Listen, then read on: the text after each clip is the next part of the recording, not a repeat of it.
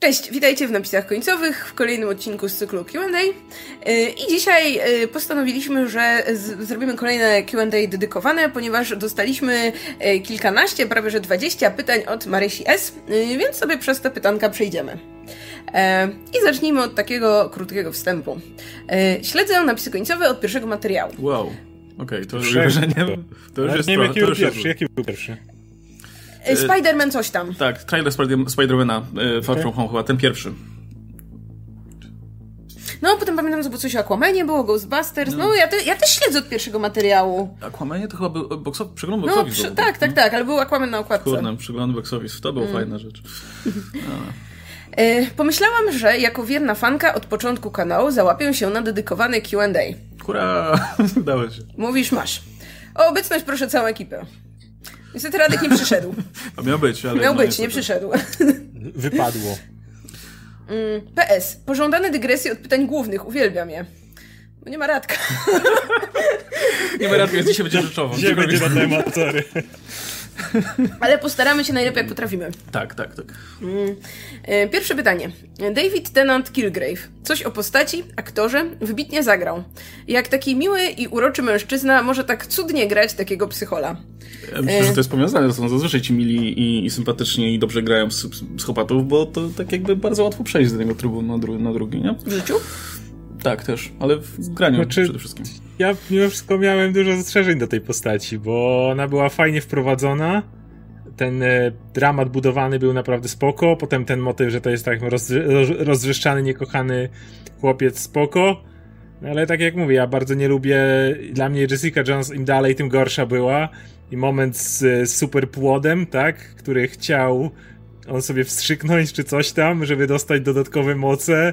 I jak to nagle skręciło się w tą stronę, a potem był motyw już, w którym przez tam trzy odcinki Jessica go łapała, on uciekał, Jessica go łapała, on uciekał i tak dalej. I ta postać się niestety dla mnie, w moim przypadku strasznie rozwodniła. I e, to jest, to jest, znaczy, to jest problem w ogóle tych seriali Netflixa, które miały, że one tam się rozłaziły, miały za dużo odcinków, niespójnie spójną fabułę, więc jakby zarys jest super, zagrana postać super, idea super, ale według mnie ta forma Netflixa zarżnęła ją w porównaniu do tego, jak dobrze mogła być zapamiętana. E, znaczy, ja, ja się zgadzam z, z, tymi właśnie jakby takimi scenariuszowymi zażaleniami, ale jakby no trzymając się e, jakby, no nie wiem, roboty aktorskiej, no to dla mnie to było fenomenalne. Ja, ja w ogóle jestem taką, wiecie, beznadziejną fanką Davida Tennanta. Przez, e, przez niego nie byłam w stanie już potem dalej ruszyć z doktorem, no bo bez Davida Tennanta to już nie to samo.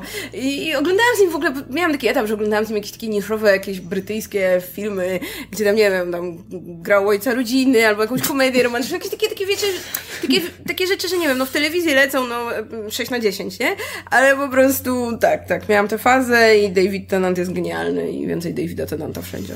No, znaczy Killgrave był super, kurczę. Ja, to, to jest chyba element, który najmilej wspominam generalnie z tych seriali Netflixa, tak jak minęło już sporo czasu i pewnie, nie wiem, może jakbym to obejrzał jeszcze raz wszystko ciurkiem po kolei, no to bym, bym może co, co innego powiedział, ale tak jak teraz wspominam, no to w zasadzie to jest ta postać, która, która mi najbardziej zapadła w pamięć przez to, że ona była naprawdę interesująca e, i, i, i wiecie, ta cała degeneracja związana z tym, że w zasadzie mógł wywołać wszystko po prostu mówiąc, to, to, to było coś fascynującego i, i bardzo fajnie to było poprowadzone, przynajmniej do czasu. E, ale mówię, jako koncept to na pewno było, było tak. dla mnie dużo ciekawsze niż cokolwiek innego w zasadzie w, ty, w tych serialach. E, no, więc, Ale to był no. trzeci, naj, trzeci najlepszy tłoczyńca. Jest Kingpin, szczególnie po trzecim sezonie, Bullseye i on może być trzeci, więc... A co do Tenanta, no to oglądałem jeszcze... Ja, ja na przykład nie lubiłem jego doktora, ale jednocześnie Good Omens, który obejrzałem ostatnio, które było e, ale to jaką on miał chemię z... E, Jezu... Michael Sheen, tak? No, no to to, to ich chemia była po prostu tak wspaniała, to co jak oni rozmawiali ze sobą. To tylko po to warto oglądać ten serial. No to spoko, ja też nie lubiłem jego doktora, ale to nie, nie, nie aktora. W ogóle z Doktor Who jest tak, że nawet jak doktor się, to nigdy nie z winy aktora. Aktorzy są zwykle spoko, tylko po prostu ktoś, ktoś się nie ma scenariuszowo, a ten jego doktor był zbyt ludzki, za mało, za mało, za mało kosmitą. To był problem. Możliwe, że to mnie odwróciło. Nie rozumiem was.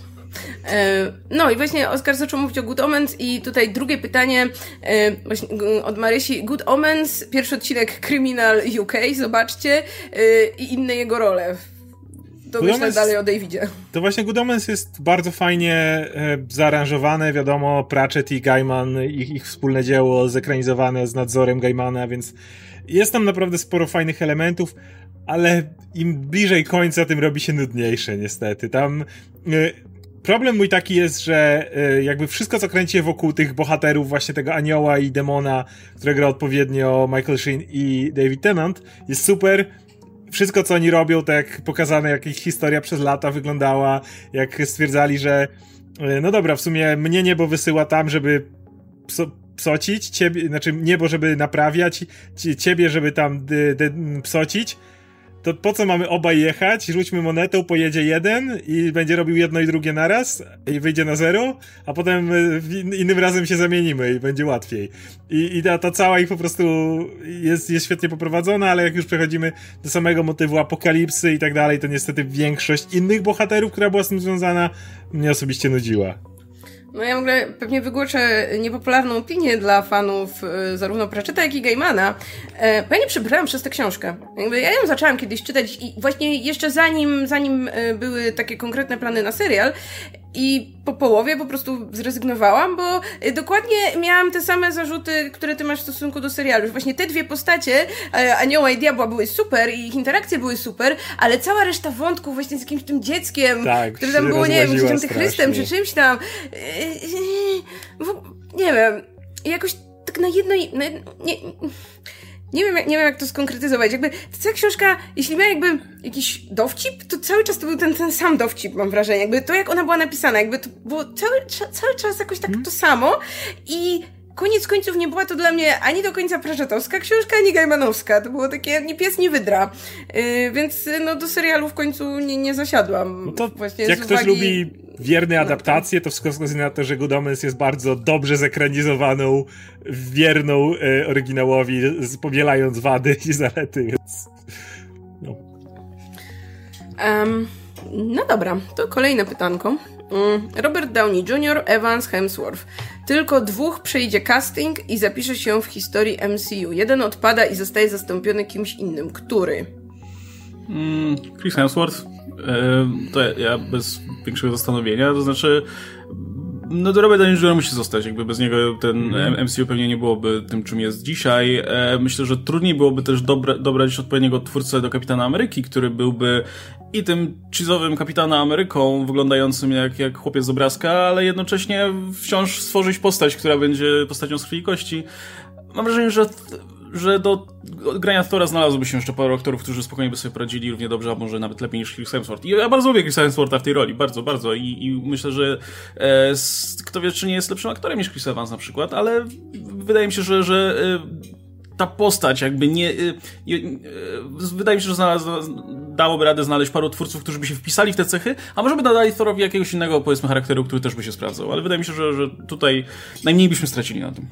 Znaczy, ja tak rozumowo zgadzam się z tym, co mówisz, yy, ale jakbym miała kierować się bardziej jakąś własną sympatią co do tych konkretnych aktorów, no to tak, na, na pewno zostawiałabym Evansa, bo Kapitan Ameryka jest najlepszy, i zostawiałabym Hemswortha, bo ja nie lubię Roberta Downey'ego Jr. i no, nie wiem, jakby, nie wiem, czy bardziej jego, czy bardziej Tonego Starka. Myślę, że obu nie lubię w jakimś sensie, więc jakby tak, to jest super zagrana rola i to jest y, właśnie fajne starcie tej granicy między właśnie tym, gdzie ta rola się zaczyna, gdzie się kończy, ale no, no nie, mam, mam wiele, wiele, jakby, jakbym robiła ranking, nie wiem, postaci z MCU, to byłby gdzieś tam na samym dole u mnie.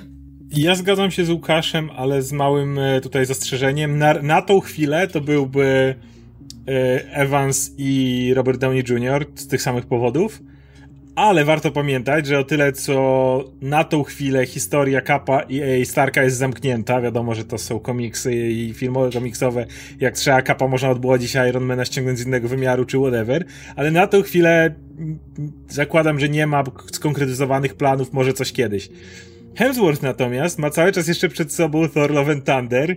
Jak te, jaki będzie miał impact ten film, jak go zapamiętamy. Pamiętajmy, że to jest jeszcze aktywna postać w MCU, więc mówię, na tą chwilę zgadzam się z Łukaszem, ale kto wie, może poobejrzymy ten film i stwierdzimy, tak, to jeszcze nie było, jeszcze nigdy nie było tak mocnego, wiesz, tutaj wejścia Tora, pokazał coś nowego, nie spodziewałem się, czy coś takiego, więc mówię, zostawiam sobie furtkę. Mm, Okej, okay. pytanie numer cztery. O nie, Radka jest. E, Radek, twoje ulubione sezony Buffy i najlepsze wątki w serialu? jak znam Bradka, to jego ulubiony wątek to, to wątek Spike'a i on uwielbia tę historię tutaj. E... Ale po Spike jest najlepszy. Ja, ja tak samo. To, to już tylko wymyśl, który to był sezon. E... Nie pamiętam, który to był sezon, ale... No, ale Wszystkie konsens... ostatnie. Spike był już do końca. Jak już raz się pojawił i zaczął być tym y, odkupionym wampirem, to już był do końca i potem jeszcze przelazł na ostatni sezon Angela, bo wszyscy go tak kochali. Znaczy, a, a z kolei ulubiony sezon? Nie, kurczę, nie, nigdy nie pamiętam, że Radek kiedykolwiek mówi, który jest jego ulubiony sezon. Nieważne. E, ale widzowie się nie dowiedzą, jak myślisz. Ale mam wrażenie, że konsensus jest taki, że najpierw jest drugi, trzeci, drugi chyba z tym, e, jak się Buffy przespała z Angelem właśnie i E, i, i tam się dzieją rzeczy. No nie wiem, no, e, może, może jak Radek po prostu dotrze tutaj, to napisz w komentarzu. I, to ja mogę od siebie tylko powiedzieć, że ja, nie wiem, uwielbiałem praktycznie wszystkie sezony. Trochę mnie na początku zaczęło nudzić pierwszy, jak Buffy poszła na studia. Tam wydaje mi się, że na, przez jeden sezon nie mieli do końca pojęcia z tym, jak to wyważyć i na czym to ma się opierać, no bo to się wszystko kręciło wokół szkoły przez długi czas, ale i tam później złapali jakiś tam wiatr żagle, więc, więc jakoś to poszło. Ale wydaje mi się, że tak samo jak gadamy z Radkiem, to jakby sezon sezonem, ale raczej gadamy o odcinkach pojedynczych. Robił, wiadomo, jest musicalowy odcinek fantastyczny, jest odcinek, w którym umiera matka Buffy i on jest taki naprawdę uderzający mocno, bo to, to nie jest śmierć supernaturalna, wielkie poświęcenie czy coś, tylko Buffy przychodzi do domu i znajduje swoją mamę leżącą na kanapie i to jest cały wokół tego odcinek, jaki mózg pracuje wtedy, jak jest wielką slayerką, a tylko wiecie, coś takiego się stało. Jest masa po prostu pojedynczych, świetnych pomysłów, które, które gdzieś tam się przed, co jakiś czas w sezonach skakały. No dobra. No dobra, to lecimy dalej. Jest 2014 rok. Robicie casting na Netflixowe seriale Marvela.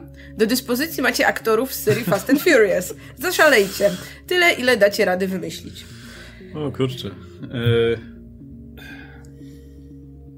Tyrese jako Luke Cage to po pierwsze. Tyrese jako Luke Cage? Vin Diesel jako Kingpin. E, nie, to jest, e, nie są takich oczywistych właśnie. Nie, albo e, żeby właśnie, żeby ich dobrać może jakoś tak właśnie przeciwieństwami. Wiem, Han, Han jako Iron Fist, wreszcie byłby charyzmatyczny Iron Fist. To nic, że jest to... Azjatą. Ja wiem, że to nie pasuje do historii Iron Fista, który miał być Fish Out of Water, ale przynajmniej byłby wreszcie charyzmatyczny Iron Fist. Może Tyrese jako Iron Fist. E...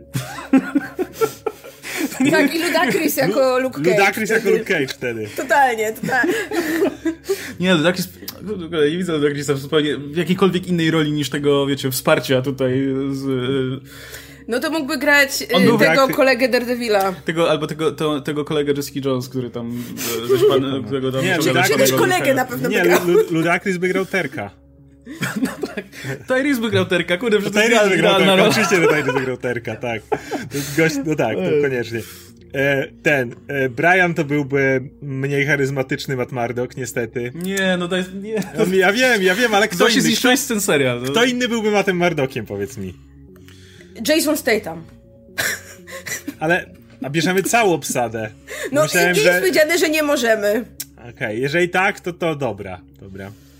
E, Jessica no, Jones. A, no to w takim a razie a Charlie Theron... wygrał Luka Cage'a. Michelle no Rodriguez byłaby Jessica Jones. To, nie, to... Charlie Theron. I masz dobrą Jessica Jones. Nie, tak. Michelle Rodriguez, która chodziłaby taka wkurwiona, piła to... Piła no, to, jakby piła, piła to była wiarygodna, nie? Kurde, nie, no to jest... Charlie Steron mogłaby grać jej koleżankę. Byłaby... Jak ona się tam nazywała? Tę, co w radiu pracowała. A, e, Patsy. No. E, to... E, nie wiem, czy ktoś tam jeszcze został. Dla Wina Diesel. Punisher, jest... jeszcze, Punisher jeszcze został. Vin Diesel jako Punisher. Już. Żeby ktoś... To dajcie mu coś, proszę. Chciałbym, że Vin Diesel nie ma miejsca. Dobra, Vin Diesel byłby Punisherem. Okej. Okay. Dobra, jakoś, jakoś poradziliśmy sobie. Mm. Bardzo dobre pytanie. E, Wasza ulubiona rola Jake'a Gyllenhaala? Nightcrawler? Chyba nie zagrał nigdy lepiej. Ja nie widziałam Nightcrawlera, więc bym powiedziała, że Prisoners, Kurde, tak, bo, bo, czyli ten labirynt y, Villeneuve'a. nie, ja, ja, go, ja go uwielbiam na przykład w ostatnim Spider-Manie. Uważam, że był, jego Mysterio był fantastyczny, ale, ale no. Mm. Tak, teraz szybko googlamy, gdzie jeszcze był. No nie, to właśnie, bo w ogóle się zapomina o tym. Ale, o, no kurczę, w, przecież był w Tajemnicy Brokeback Mountain o, rolę, nie? No mm. tak, dobra, no po tak. namyśle to tam faktycznie. Kurczę, w Zwierzętach Nocy był, był kapitalny. Nie wiem, czy to, to nie była moja ulubiona rola w jego wykonaniu. Nie, dobra, to ja zostaję przy Brokeback Mountain. Zdecydowanie. No, my zostanę przy tych zwierzętach nocy. Ja lubię takie To każdy ma inny typ. eksploatatywne to ja, to ja, tematy, to ja nie będę klimaty, się więc... zostanę przy swoim. No, dobra, ogarnięty. Um, siódme pytanie. Możecie wybrać dwie grupy. Z pierwszą grupą spędzacie dzień. Z drugą grupą macie 15 minut. Okej. No i teraz czytam składy grup. Będą trzy grupy, więc z jednych odrzucamy. I tak, pierwsza grupa. Taika Waititi, Anya Taylor-Joy i Edward Norton. O mój Boże, co oni mają ze sobą wspólnego? Nie wiem, ale... A możemy, możemy Edwarda Andersona Właśnie chciałem, jak, jak, z tego jakby, jakby Edward No nie Norton możemy, sobie poszedł, to spoko. E, druga grupa. James Wan, Scarlett Johansson, Brad Pitt. I trzecia grupa. David Fincher, Charlize Theron, Vin Diesel. Cały Okej, dzień... to- Cały dzień z tą środkową grupą, 15 minut z tą ostatnią. Chyba, że mogę Nortonowi powiedzieć, że poczekał za drzwiami, to wtedy z tą pierwszą cały dzień, a e, 15 minut z tą drugą. To ja cały dzień z tą drugą grupą i to bez, w ogóle bez, bezkonkurencyjnie. E, 15 minut z tą pierwszą, żeby zrobić sobie fotkę z Whitey Team i zająć Taylor-Joy i to tyle. I, I pogratulować tutaj jej kariery i do widzenia. Podobnie. To ja bym chyba wzięła dzień z tą drugą grupą. Wszyscy. Jest najfajniejsza, nie oszukujmy się. No, mógłbyśmy iść razem, nie? Na jakiś event. Um, hmm. 15 minut z pierwszą. Jakby trzecia grupa, okej, no spoko są ci ludzie, nie mam nic do nikogo z nich, ale jakby też tak... Mm, No w trzeciej grupie jakby- Charlize Theron jest on, super. W pierwszej no. grupie jest Waititi, no jakby... No nie można nie spotkać się z Waititi. Ja, ja bym z Winem chwilę o D&D pogadał, więc... Ale, Z- 15, ale 15 z- minut wystarczy. Ale z drugiej strony nie weźmiesz całego dnia z tą pierwszą grupą, bo nie wiesz co nagle Edward Norton od- odwali. Nagle zacznie się awanturować gdzieś, czy coś. Nagle stwierdzi, że on nie tak się umawiał. No, powie, że nie wraca na sequel. E, kolejne pytanko. Pracujecie, pracujecie na planie Thor Love and Thunder. Jako kto? Ja, operator kamery. Jestem ciągle z aktorami, naradzam się z reżyserem, widzę wszystkie bloopersy. Może być wymyślone stanowisko. Make it crazy. E, asystent reżysera. Mogę podawać kawę YTTM-u tylko po to, żeby cały czas tam stać, nie mieć za dużo obowiązków, a jednocześnie, wiesz, być przy każdej scenie. Wiesz, operator, no to jednak spierdolę coś, wiadomo jak, to jest. A tam, no mogę kawę przynieść, coś zanotować i wszystko widzę. To ja y, chcę, to ja, to ja jeszcze lepiej. Executive producer.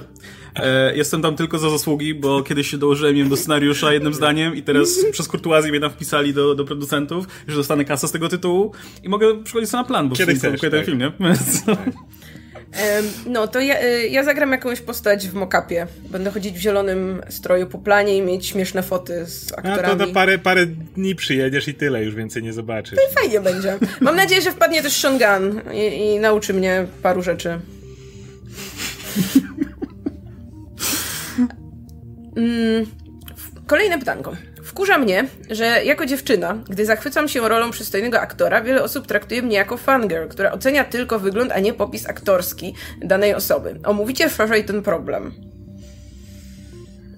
Kurczę, co wiesz to mamy, szczerze Znaczy, mówiąc? nie, nie, znaczy, na pewno wydaje mi się, że jest faktycznie większa stygmatyzacja fanek, ale wydaje mi się, że generalnie, jeśli, nie wiem, e, ktoś zachwyca się też, nie wiem, akurat piękną aktorką, to wydaje mi się, że też ludzie, no nie wiem, jeśli nie napisze jakichś konkretnych argumentów, na przykład też pierwszy odruch pewnie byłby taki, że, no nie wiem, bo docenia jej urodę, tak? Tak. E, a jednocześnie, no właśnie, wydaje mi się, że no, no zależy jaką formę to ma, tak? Jakby, e, jaki jest kontekst takiej wypowiedzi, no bo jeśli to jest faktycznie jakieś tylko jedno zdanie, no to ym, ktoś po prostu może nie wiedzieć, co ktoś dru- drugi miał na myśli, nie? Jakby niekoniecznie to jest jakieś takie, wydaje mi się, negatywne, w sensie e, fangerowanie, czy generalnie lubienie aktorów, e, jeśli to nie ma jakiegoś takiego, nie wiem, creepy wymiaru, no to hej, spoko, no. No to, to jest jedna rzecz, nie? A druga rzecz jest taka, że no mówmy się, większość, większość osób, która, e, przeciętnych odwiedza, odwiedzających kina, jakby nie za bardzo się, nie za bardzo się interesuje tutaj mandrami gry aktorskiej i, i, i wiesz, technikami gry i tak dalej, więc e, podejrzewam, że większość tych osób za bardzo, możesz, możesz mówić co uwielbiasz w grze aktorskiej jakiegoś aktora, większość tych osób i tak to nie dostrze i, i, i pozostaną sobie na tym poziomie, że a, bo pewnie ci się podoba. I to, to jest normalne, to zawsze tak było w zasadzie, nie? Jakby, bo to jest, jakby, to jest ta rzecz, którą każdy jest w stanie ocenić, tak? Czy mi się aktor podoba, czy nie. Natomiast już, y, y, czy, czy aktor gra dobrze i dlaczego gra dobrze i co mi się w nim podoba, to już jest troszkę wyższa, wyższa szkoła jazdy, więc, y, y, to jest, więc tu, tutaj już trudniej o, o, wiesz, o, o sensowną rozmowę mimo wszystko.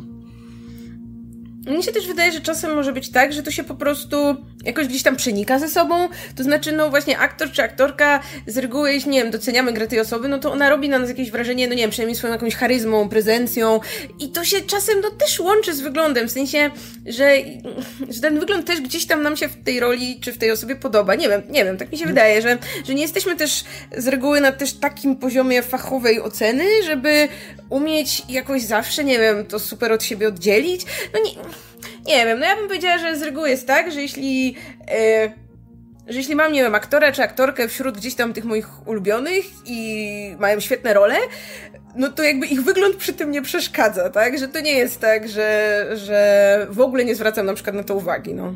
No ale też ta rola jest jakby bardzo ważna i na ile seksowność aktora czy aktorki jest podkreślana właśnie w samym scenariuszu. Jeżeli na przykład ktoś powie, że aktorka czy aktor w danym filmie świetnie wypadli, mi naprawdę fantastyczną rolę, ale jednocześnie ich ta seksualność była bardzo, bardzo podkreślona z jakiegoś powodu na potrzeby scenariusza, no to wtedy jakby dużo trudniej jest wybrnąć z tego argumentu, że no tak, bo pewnie ci się podobało, jak aktor chodził cały czas bez koszuli y, wiesz, w, w, w shortach po, po, po wszędzie, albo aktorka w bardzo skąpym bikini, czy coś w tym rodzaju, chociaż, chociaż jakby nie mówimy tu o Michaelu Bayu, tylko o faktycznie użyciu tego pod jakąś sensowną narrację, tego dlaczego tak jest. Może to, może sam e, film dotyka jakiegoś problemu, e, jakiejś powierzchowności, czy coś takiego, no ale wtedy tak, bardzo często będzie e, o wiem, dobrym przykładem było e, czy jak się nazywa ta aktorka? Po True Detective, po tej super sławnej scenie seksu. Aleksandra Daddario. Tak, i za każdym, kiedy ktoś mówił o tym, że ona świetnie wypadła, to 90% mężczyzn reagowała na to w bardzo charakterystyczny, charakterystyczny wink, sposób. Wink, tak. wink, wink, dokładnie, o co ci chodzi, nie? Chociaż nieważne było co, co do roli, e, co do reszty. No, to, to, to jest też przykład. No, to w sumie, e, patrząc na to z tej strony, podejrzewam, że niektórym aktorkom czy aktorom to przeszkadza, nie? Jakby, e, bo są e, jakby oceniani też przez pryzmat swojego wyglądu i atrakcyjności tej wizualnej, a niekoniecznie tej walorów aktorskich. Nie? No tak, dlatego, nie wiem, no jest gdzieś wciąż taka, nie wiem, moda, czy taka potrzeba często, żeby do jakiejś roli dać się obrzydzić yy, makijażem, jakimś, nie wiem, charakteryzacją, albo, nie wiem, specjalnie przytyć, schudnąć, cokolwiek, jakoś ten wygląd tak zmienić od tej swojej takiej normy, od tego takiego, nie wiem, klucza, po którym jest się obsadzanym, żeby właśnie tak udowodnić, że umie się zagrać też zupełnie inny typ roli, umie się zagrać w oderwaniu od tego, tak? No i wtedy bardzo często faktycznie może być łatwiej spojrzeć, tak, na, na, na występ tej osoby, kiedy, no jest pozbawiony pozbawiona jakichś tych swoich atutów wizualnych, powiedzmy. To jeszcze odniesienie jeszcze do tego pytania, że, mm, że wiele osób traktuje mnie e, jako fangirl, która ocenia tylko wygląd, a nie popis aktorskiej osoby.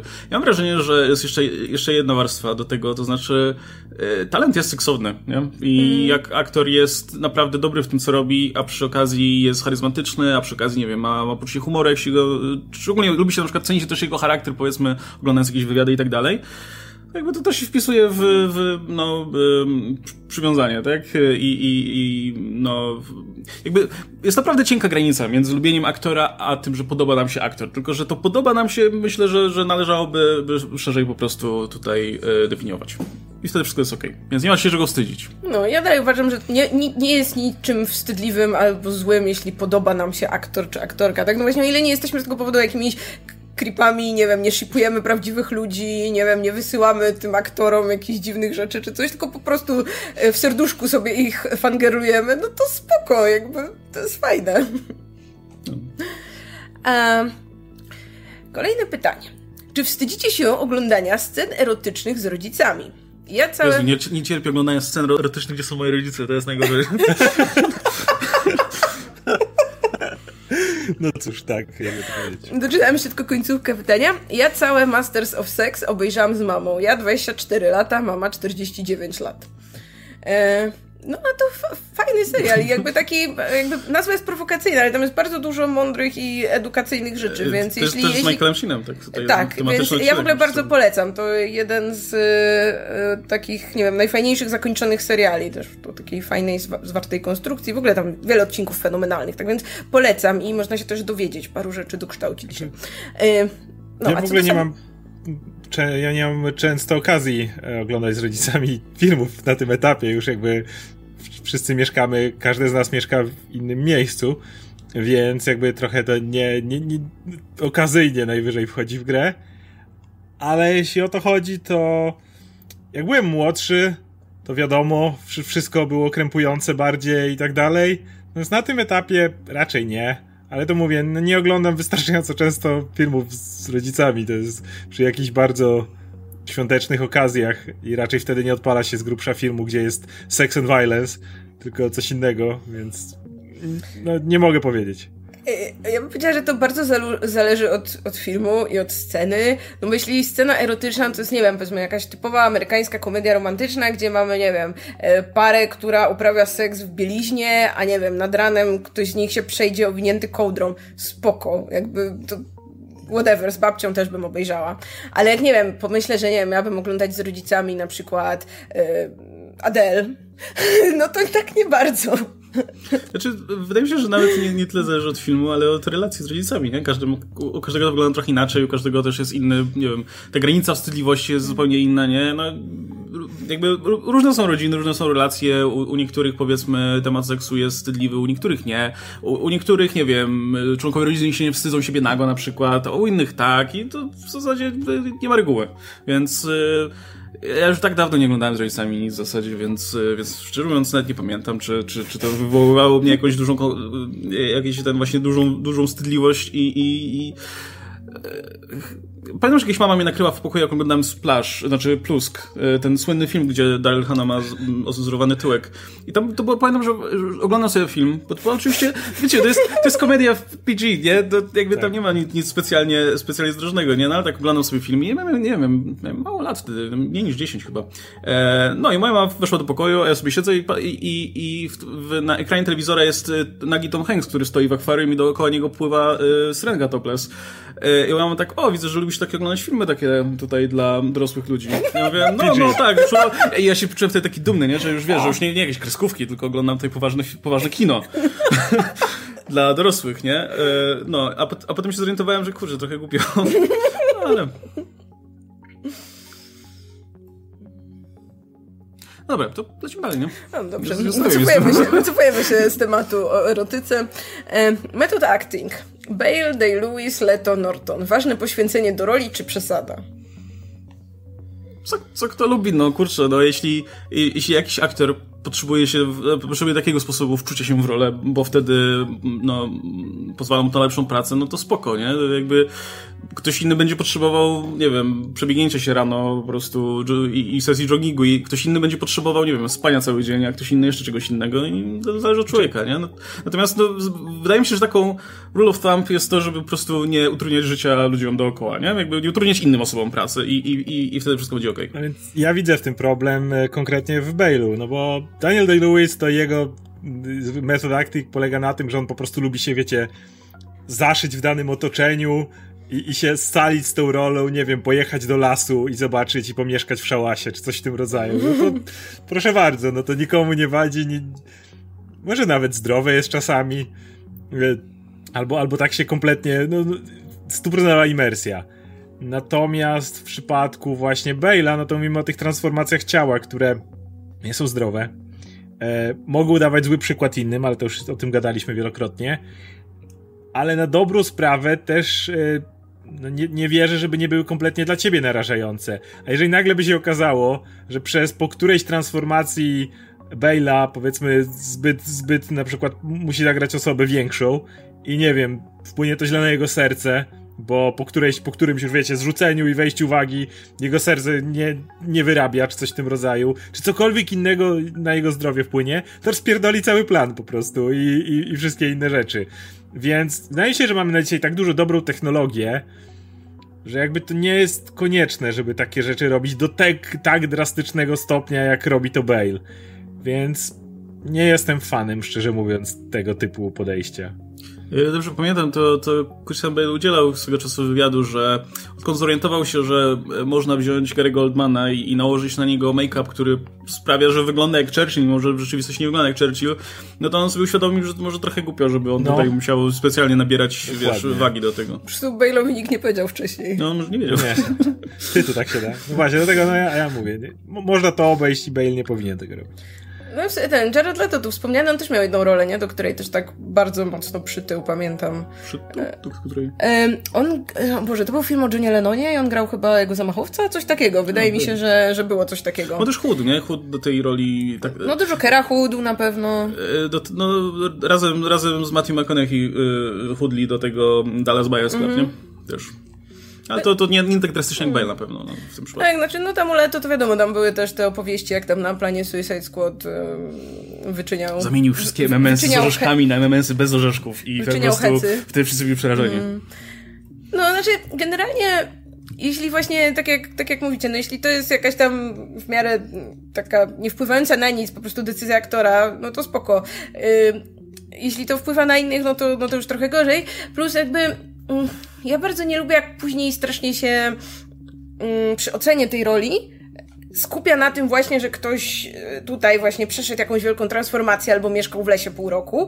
I, bo jakby co mnie to jako widza obchodzi? Jakby jeśli efekt końcowy jest ok, no to, no to fajnie, ale jakby nie podoba mi się to, że później wiecie, jak przyznajemy te nagrody, to strasznie na przykład jest skupienie na tym, że o, a tutaj ten aktor to po prostu jeszcze tu schudł 20 kilo i coś tam, coś tam, no bo jakby e, nie musiał, tak? Jakby chciał jego wybór spoko, ale jakby no nie powinno to być dla mnie jakimś kluczowym czynnikiem do porównywania tej roli, nie wiem, z innymi rolami rolami, tak? Gdzie ktoś, nie wiem, e, pozwolił po prostu, żeby nałożyć na niego make-up, czy jak, w jakiś tam inny sposób wczuł się e, w jakąś tam rolę. No, już mam wrażenie, że to jest już szerszy temat, na zasadzie na czym polega aktorstwo, tak? Czy to polega po prostu na, wiecie, wzorowaniu y, fizycznie jakiejś roli, czy, czy, czy niekoniecznie? Mam wrażenie, że bardzo często się niestety mm, wiele osób skupia na tej właśnie fizyczności, nie? Gdzie, gdzie nie na tym polega wcielanie się w daną postać, żeby wyglądać tak samo. I o ile jeszcze te właśnie historyjki takie, że o, ktoś się zaszył w lesie i tam mieszkał w dziczy, bo się próbował przygotować do roli, no są urocze, no po prostu to jest taka urban legend, która tam potem sobie krąży, ale, ale już, wiesz, jaranie się tym, że o, ktoś schudł 20 kilo do roli, no to nie ma żadnego znaczenia, kurczę, czy schudł 20 kilo, czy nie schudł. Co, co, co, jak to się ma do gry aktorskiej? Nijak. Ani trochę, nie? Więc, więc mam wrażenie, że to jest troszkę szerszy problem tego, jak, jak aktorstwo jest postrzegane. A e, znowu mam wrażenie, że po prostu wiele, wiele osób podchodzi do tego tak bardzo powierzchownie, na zasadzie, że no, jest podobny, tak? No właśnie, to zwłaszcza jak się ocenia jakieś te biopiki, tak? Faktycznych osób, które zwłaszcza są, aktorzy mają są gdzieś w miarę wygrano, współczesnymi postaciami, także sami je pamiętamy, jest, nie wiem, dużo zachowanych jakichś zdjęć czy dokumentów. No i właśnie wtedy jest ten moment, kiedy tak, no zachwycamy się, tak? Zachwycamy się, że właśnie Gary Oldman nagle wygląda jak Churchill, zachwycamy się, że nie wiem, Meryl Streep wygląda jak Margaret Thatcher i tak dalej. Ale no, mm, to jest bardziej wtedy, nie wiem, może dajmy nagrodę charakteryzatorowi, nie? A to jakby ta rola... Hmm. No, albo, wiesz, albo ym, spadkobiercy Margaret Thatcher. No, jakby, jakby generalnie...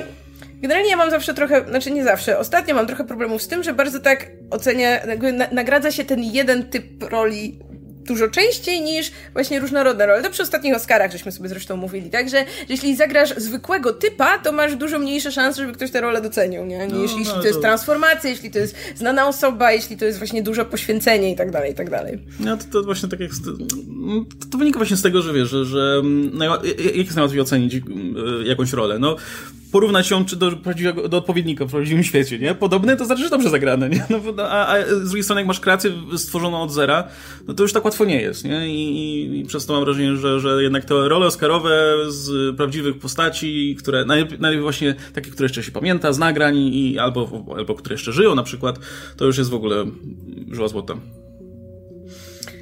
Dobra, do kolejnego pytania ktoś będzie musiał y, udawać Radka, więc y, zaraz wylosujemy, więc czytam pytanie. Brad Pitt, Chris Evans, Vin Diesel i Josh Brolin przylatują do Polski kręcić film. Radek. Jednego z nich musisz zakwaterować u siebie na czas zdjęć trzy tygodnie. Którego? Jakie rozrywki mu zapewniasz? Oskar, Marta i Łukasz też odpowiedzcie. No, też odpowiemy. Czyli Chris Evans, Brad Pitt, Vin Diesel i Josh Brolin. Vin Diesel był odpad z tego towarzystwa, myślę, że reszta jest wyżej. Josh Brolin chyba też byłby trochę niżej. Chris Evans albo Brad Pitt, ale chyba ja Brad Pitt wyżej. Chyba Brad Pitt. Wydaje mi się, że Radek by wziął Brada Pitta. Ja, ja wydaje mi się, że Radek to by wziął Josha Brolina, ale... Nie, no właśnie wydaje mi się, że nie. Że Radek też mi wydaje, że Brada Pitta by wziął. No. Żeby mu antenę zamontował, a? No. Że jakbym miał z kimś pomieszkać przez ten y, tydzień, czy, czy Trzy tygodnie. Trzy tygodnie, no to, to z Bradem Pittem bym chciał pomieszkać. Z Evansem byłby ten problem, że on, wiesz, y, musiałby codziennie powrzucać zdjęcia swojego psa Czy wiesz, czy coś takiego, nie?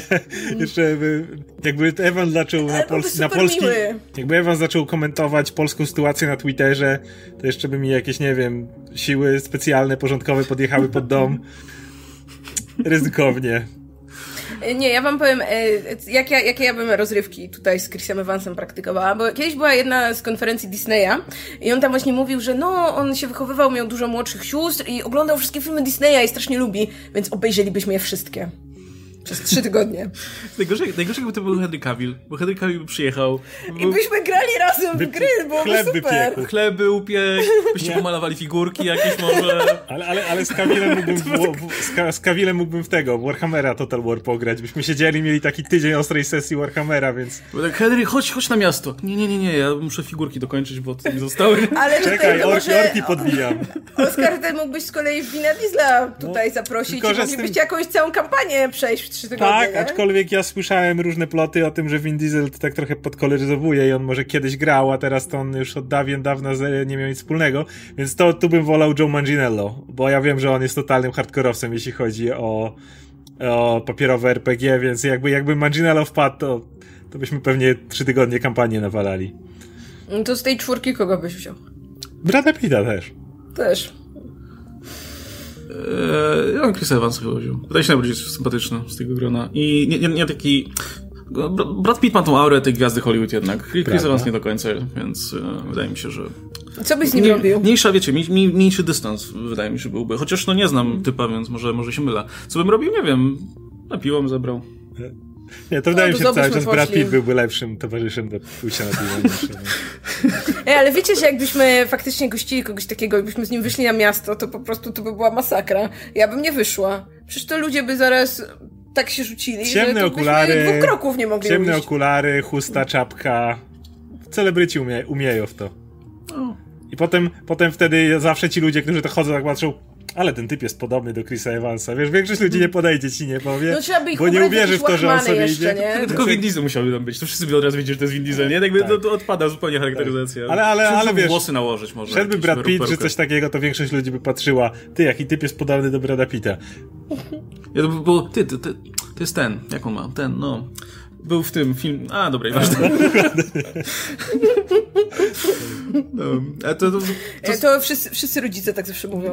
E, ten grał w tamtym. No, pamiętasz. E, to my nie konsultujemy się z Radkiem i zobaczymy, czy, czy trafiliśmy, nie? No, musimy poprosić Radka, żeby napisał komentarz do tych pytań i potem zobaczymy, na ile właśnie się pokryje.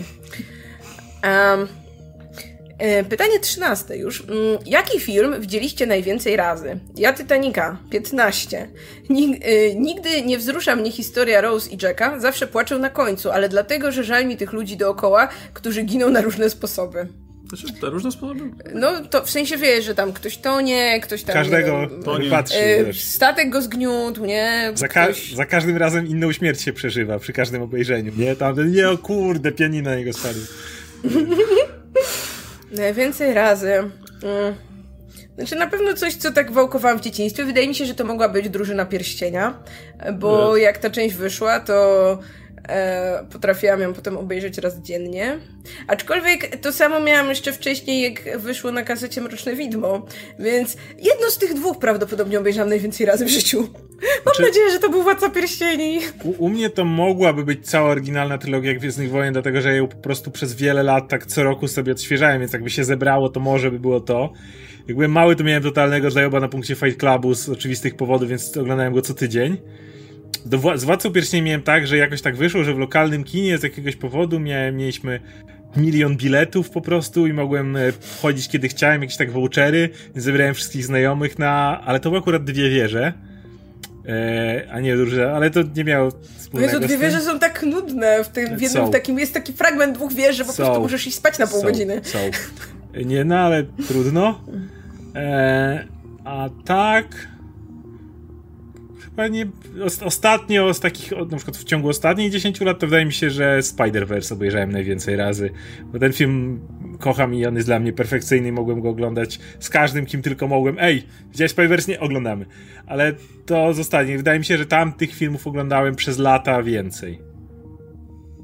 Hmm, kurczę, ciężko powiedzieć, bo był, był różne filmy na różnych etapach. E, wiem, że, wiem, że Beetlejuice widziałem milion razy, e, Rocky Horror Picture Show widziałem milion razy, Batmana Bertona widziałem milion razy, e, no, Gwiezdne Wojny. Gwiezdne Wojny też pamiętam, że, że był taki moment w moim życiu, że praktycznie parę razy w roku to na pewno oglądałem, ale teraz, nie, jakoś, teraz więc oglądam nowych filmów i, i w sumie bardzo dobrze. Znaczy nie nowych, ale, nie, nie nowych, ale takich, które widziałem na przykład po raz pierwszy. Nie?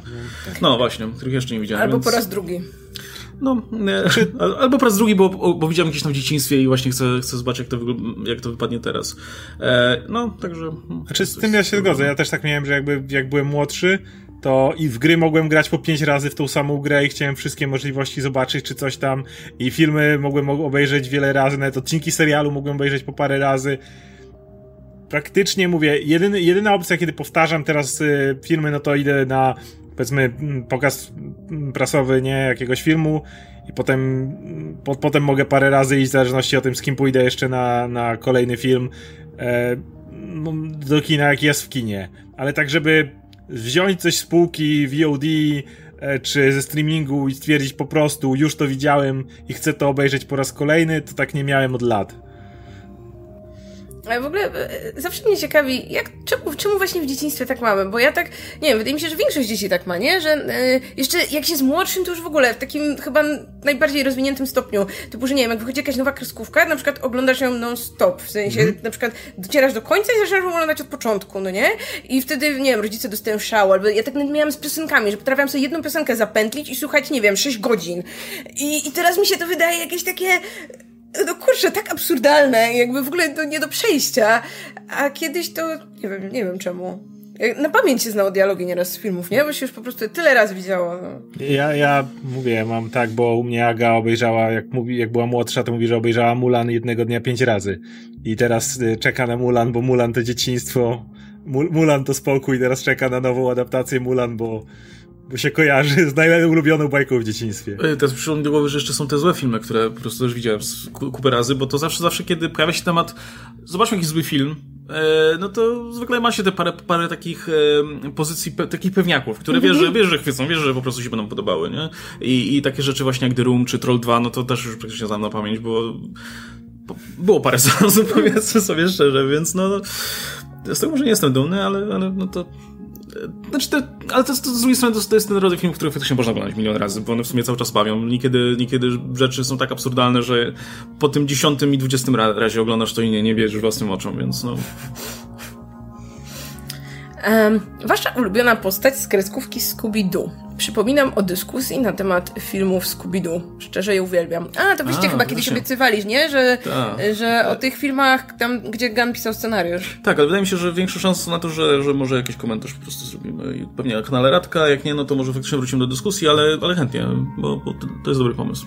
Że, kurczę, może, może tego Skuba bym przy okazji dał radę nadrobić. No, o, możemy obejrzeć. No, no, chyba, chyba Skubi i ten, i Shaggy, no to, są, to jest ten zawsze duet, który robi... Reszta to tam chodziła, coś niby odkrywała. No wiadomo, że to wokół nich się wszystko kręciło, no. Oni, byli, oni są trochę bohaterem zbiorowym, nie? Bo oni zawsze gdzieś tam razem śmigali, jakby trochę ciężko powiedzieć, gdzie kończy się jeden, a zaczyna drugi jeden zawsze drugiemu wskakiwał na ręce przecież i, i się razem trzęśli, więc y, no, to, to jest ten mój ulubiony bohater zbiorowy. No na pewno nie Fred. No nie Fred. No, jakby, jakby nie Velma, nie, nie czy, jest, czy jest bardziej w ogóle, y, bardziej nieistotny bohater Scooby-Doo niż Fred? W ogóle jakby wiesz, co wnosi do tej ekipy Daphne, albo Velma, albo, albo Scooby i, i, i Shaggy, a Fred? Fred tam jest chyba po to... nie, może on prowadzi ten samochód, nie? Może ta, jako nie ma prawo jazdy, może to jego samochód, czy coś. On jest kierowcą, tak. E... To jest rola kierowcy, dokładnie. No, z tych ludzkich bohaterów, no to ja zawsze byłam tym Velma, nie? No bo ja zawsze lubiłam te postacie, które tutaj swoim błyskotliwym intelektem mogą coś rozwiązać, a nie tylko potykając się o własne nogi. Nie no, Shaggy, kurczę, Shaggy, że jest tą no. postacią, z którą się identyfikujesz. Im jesteś starszy, tym bardziej się z nią identyfikujesz. No po prostu, jego, jego cieszą proste przyjemności w życiu, tak? Ucieczka przed duchem. No, zaja zajarać sobie, coś zjeść potem. Szybki plak, jest... mówię, wstrącenie. Odcinek crossover Supernatural i Scooby-Doo to jest najlepszy odcinek Scooby-Doo.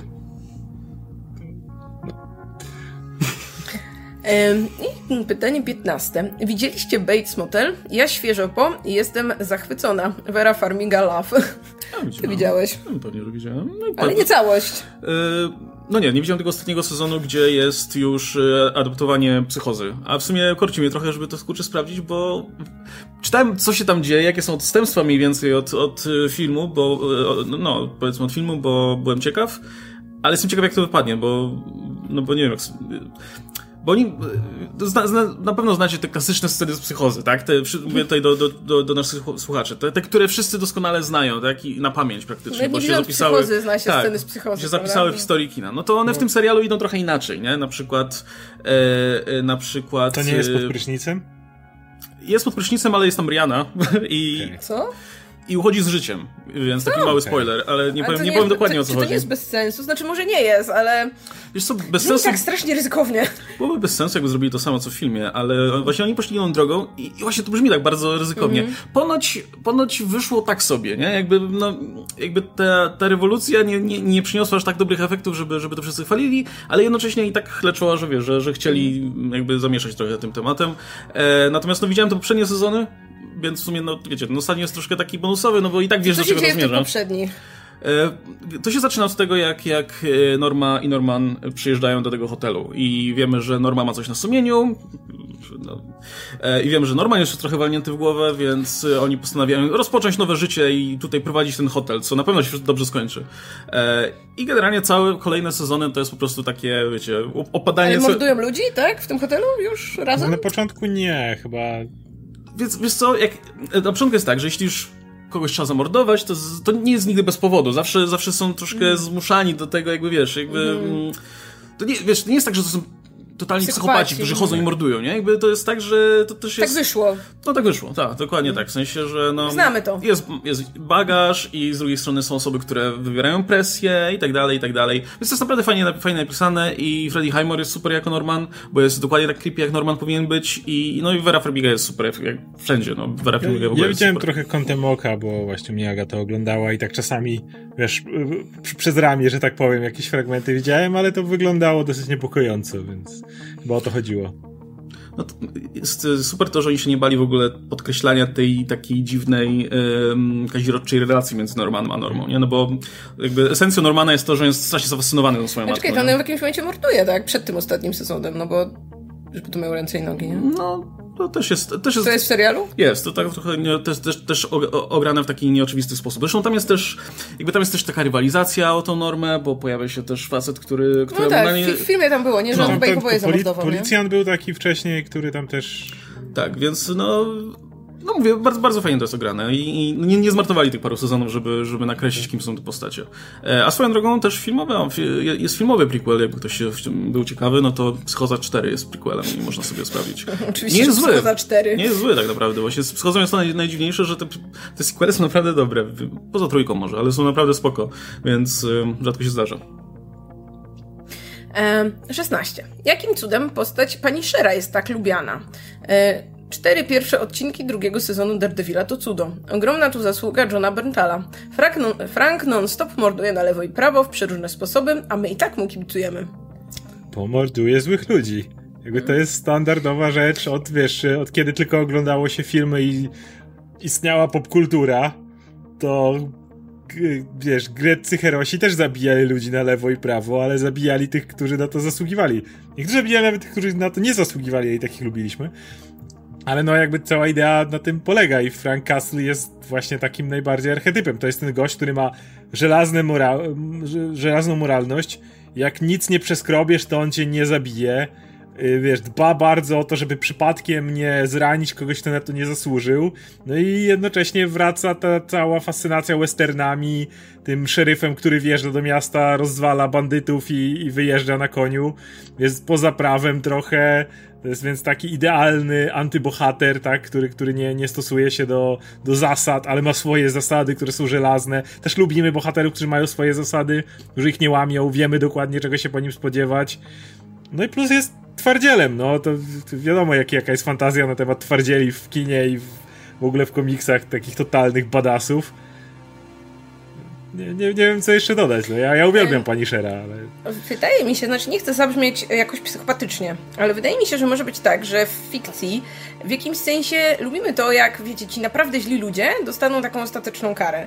E, Bardzo mam wrażenie, że czasem ma się, ma się ten niedosyt, jeśli na przykład, nie wiem, przypuśćmy właśnie jakiś tam Daredevil, czy Batman, czy ktoś tam y, zamknie, nie wiem, złapie tę osobę i odda w ręce policji. I ta osoba, nie wiem, pójdzie do więzienia albo pójdzie do jakiegoś tam azylu i później i tak wychodzi na wolność i dalej robi te okropne rzeczy. I przy którymś razie, jak to już się zdarza, no to już mamy takie, no ile jeszcze osób, nie wiem, ma zginąć przez tego Wilana, tak? Jakby e, jakby wiecie, no w, w życiu jakby ja absolutnie, nie wiem, nie, nie jestem za karą śmierci czy coś, wręcz przeciwnie, ale w tej fikcji, gdzie ten świat jest taki już uber brutalny i jednak bardziej przerysowany, to wydaje mi się, że jest ta satysfakcja, kiedy ten villain, który robił naprawdę paskudne rzeczy, wreszcie może dostać nauczkę od tego superbohatera, który się jednak nie patyczkuje. No, Znaczy, kurczę, to, to tak jak Oskar wspomniał, no, od dawna jest ta fascynacja. Znaczy, w sensie tak, e, nie jarają nas praworządni bohaterowie, bo to jest nuda, no, to jest szkółka niedzielna, coś co, wiecie, coś co Ej. możemy w jakimś stopniu... Oskar się nie zgadza. Ej, Kapitan Ameryka, ej. No, ale no, w- wiesz, jaki jest problem generalnie z wytłumaczeniem e, niektórym osobom, czemu Kapitan Ameryka lub Superman jest spoko, nie? E, albo, albo dlaczego Batman to jednak nie powinien być ten typ, który morduje na lewo i prawo, nie? I, i to bo jakby to ludzi fascynują najbardziej właśnie te, te, te postaci, które nie działają według prawa. E, zresztą, kurczę, no, ma- masz gigantyczną przecież tradycję w, w kinie policjantów, którzy nie działają według reguł, nie? Mają swoje tutaj I zasady. wychodzi na ich, no nie? Jakby Tak. z reguły Tak, jest morał. Dopiero, dopiero rozwiązuje sprawę, kiedy odda broni i odznakę. Wtedy dopiero może zacząć działać i wtedy dopiero to zaczyna...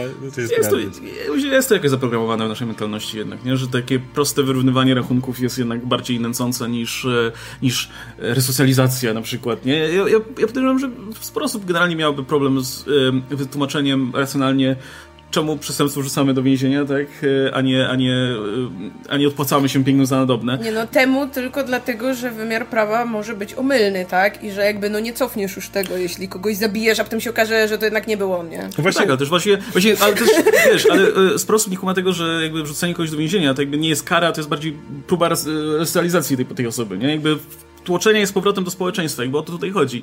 A i, i jak, i, W teorii. jak sobie to uświadamiasz, to sobie myślisz, kurde, typ zabił kogoś i co, będziemy jeszcze teraz próbować go tutaj naprawiać? To bez sensu, nie? I, i to jest y, na takim, wiesz, bardzo ludzkim poziomie. y, Jeśli, jeśli możesz, powiedzmy, wyrównać rachunki w filmie, to, to, to się kierujesz teraz po, w, No y, do filmu, żeby, żeby te, te, te swoje katarzys osiągnąć, nie? W tym temacie. Różnica podstawowa jest taka, że właśnie dlaczego to, to o czym Marta mówiłaś, że w fikcji to lubimy, bo różnica między rzeczywistością a fikcją jest taka, że tam mamy absolutną pewność, że gość jest skończonym zwyrodnialcem i psychopatą i wiemy, że jest niereformowalny, bo często możemy mieć jego punkt widzenia albo sceny, w których on faktycznie to robi i my to widzimy, jak on to robi i wtedy wiemy, że jak Frank wejdzie i gościa rozwali, no to tutaj nie było żadnych tutaj y, ni- ni- żadnych środków łagodzących. Nie ma opcji, że się pomylił, nie ma opcji, że ten gość, wiecie, tak naprawdę został wrobiony. My jako widzowie wiemy dokładnie na co ten gość zasługuje i jakby jak to wszystko działa. A z tym właśnie, że jak lubimy, jak źli ludzie dostają mocno w pierdziel, no to na tym polegają wszystkie filmy właściwie Quentina Tarantino. Ten katarzis końcowy właściwie we wszystkich jego filmach polega na tym, że bardzo zły człowiek zostaje w bardzo, bardzo brutalny sposób zmasakrowany. No popar, nie wiem, e, wszyscy kochają scenę, kiedy Hitler jest masakrowany w e, Inglourious Basterds, kiedy jest rozstrzeliwywany jak ser szwajcarski, nie? Albo w Django, jak ta willa płonie na końcu i on morduje tych wszystkich ludzi, łącznie z Samuel L. L. Jacksonem, jego postacią, która tam jest. No właściwie każdy, teraz, teraz dopiero co w, em, dawno temu w Hollywood, końcowa scena z miotaczem ognia, jakby wszyscy czekamy, aż on wreszcie weźmie ten cholerny miotacz ognia i ci goście, którzy wiemy, że są bardzo złymi ludźmi, dostaną wreszcie, wiecie, to, to, to, to dobry wpierdol, no cały, cały Quentin Tarantino na tym jedzie i kochamy jego filmy z jakiegoś powodu, tak? Więc no, to działa. I, i, więc jak pytasz o pani Shera, to właśnie tu, tu widziałbym powiązanie. Em, I ostatnie pytanko. Mm, A, takie pytanko.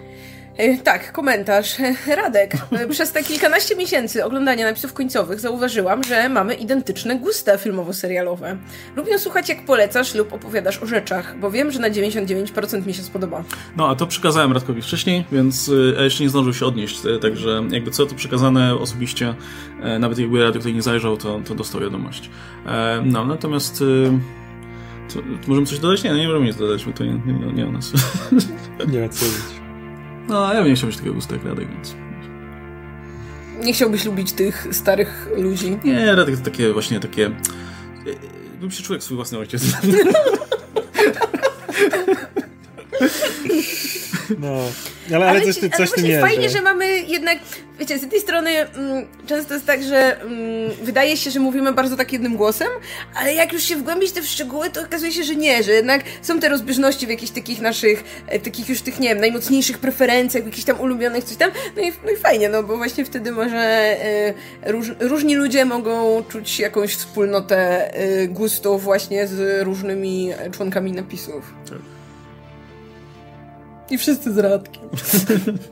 Nie no, z- Radkiem jest jeszcze ten plus, że, że generalnie widział wszystko, więc jak nagle wyskoczysz... Mm, ja pamiętam, że kiedyś y, przeglądałem, czasami wpadam w tę taką króliczą norę w... w wiecie, przechodzenie od nazwiska do nazwiska, od filmu do filmu.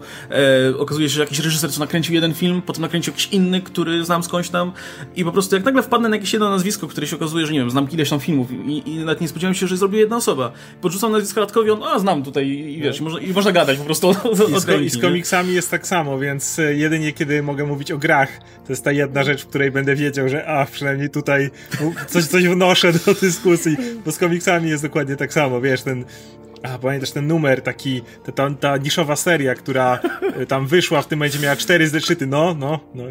No i z książkami też jest tak samo. E, Jeśli wydaje wam się, że dużo przeczytaliście, to nie, bo Radek przeczytał cztery razy więcej. Może, może Radek jest po prostu stary, w sensie, że może on żyje, Może wiecie, ma jakąś miksturę długowieczności, Właśnie, może, tak? może on żyje 100 lat po prostu Może i ma już albo więcej. filozoficzny. I także, no wiecie, No. tam ten... I dlatego, mam jako- taki sentyment tych dziadów tutaj w Hollywood. I, a, Bo ich jednocześnie, znało jak młodzi byli. a jednocześnie wszystko widział i wszystko przeczytał. I Albo jakoś czas zdążył zagrać. zakrzywia No. i ma odwrotny efekt, wiecie, w kosmosie. Jak lecisz, to zamiast czas szybciej mija na Ziemi, no to on ma jakieś miejsce, gdzie czas wolniej płynie na Ziemi. I tak naprawdę on przeżył już dużo więcej. Nie zdążył zagrać, bo gry to nowa rozrywka dla No młodych. tak, Ale no właśnie, gry mają krótki staż, kurczę, tam No. co. No. wiesz, On tu, od, wiecie, od, końca, od początku XX wieku już, już bracia Lumier wyskakują ze swoim, wiesz, medium, to gdzie to gry? Radio niedawno wynaleziono. On- on Kolorowa telewizja to No już no, jest... tam jeszcze papirusy ma w szafie w domu, Myślę, nie? wiesz, kolorowy, jeszcze trzeba cały czas się nacieszyć tym, że w telewizji jest kolor. A to, no wiem. No tak, że który chodzi pewnie z nudów do, do kina, pie- cztery razy oglądał pewnie ten, wiecie, wjazd pociągu, nie? Na stację.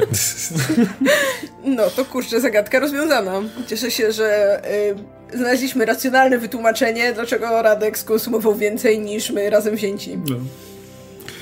To na tym skończymy, nie? Tak, Tutaj, e, e, na już tej nie teorii. zostało nic więcej do dodania. Mm, Dziękujemy bardzo Marysi za, e, za liczne i różnorodne pytania. Bardzo dobrze się bawiliśmy. E, Postaramy się, żeby Radek no, odniósł się do tych do niego w komentarzu. Jeśli nie, to pretensje miejcie do Radka. No i co? No i to tyle. Będziemy się, będziemy się żegnać. E, e, Jeśli chcecie nam zadać jakieś pytanie, no to link w opisie, napis do końca ukośnik hajs. Jeśli chcecie nam, nie wiem, podesłać jakieś fanarty, nie wiem, grafikę ze starym Radkiem, czy co tam teraz nowego może być trendem, to napisy kamałpa.gmail.com No i to jeszcze taki disclaimer mały, że no niestety czasami zdarzy się tak, że no nie będziemy mogli się pojawić w pełnym składzie. E, wiecie, no ciężko jest... Życie wyskakuje czasem, Tak, no mamy masę różnych innych obowiązków, więc jak już się umówimy na przykład na jakiś termin na nagrywanie wieczorem i wiecie, i nagle jedna osoba odpada, no to i tak musimy nagrywać, bo by nam po, to posypało a, troszkę nie, plany. a Nie? nie możemy jakby wszystkich pytań nagle przemieniać, bo potem nagle już i tak mamy ich dużo i tak się bierze czasami na przykład do gier spróbujemy zepchnąć jakieś te czy coś takiego, to jakby jeszcze nagle w, na ostatnią chwilę wyrzucać dane pytania, wkładać inne, to już o, to już by się zrobiło za No więc wiecie, staramy się, nie, żeby nie było tak, że nagle że, że no, dwie osoby odpowiadają po prostu na, na jakieś pytania, które widać, że są zadawane do całej czwórki, no ale powiedzmy, że no, te trzy to jest taki minimum, które czasami niestety musimy, musi, na które musimy stawiać, bo nie da rady inaczej, więc musisz nam wybaczyć. Tak, y, więc y, dzięki wielkie za oglądanie. Był ze mną Oskar Rogowski, Łukasz Stelmach, ja się nazywam Marta Najman. Śledźcie dalej napisy końcowe. Trzymajcie się, cześć!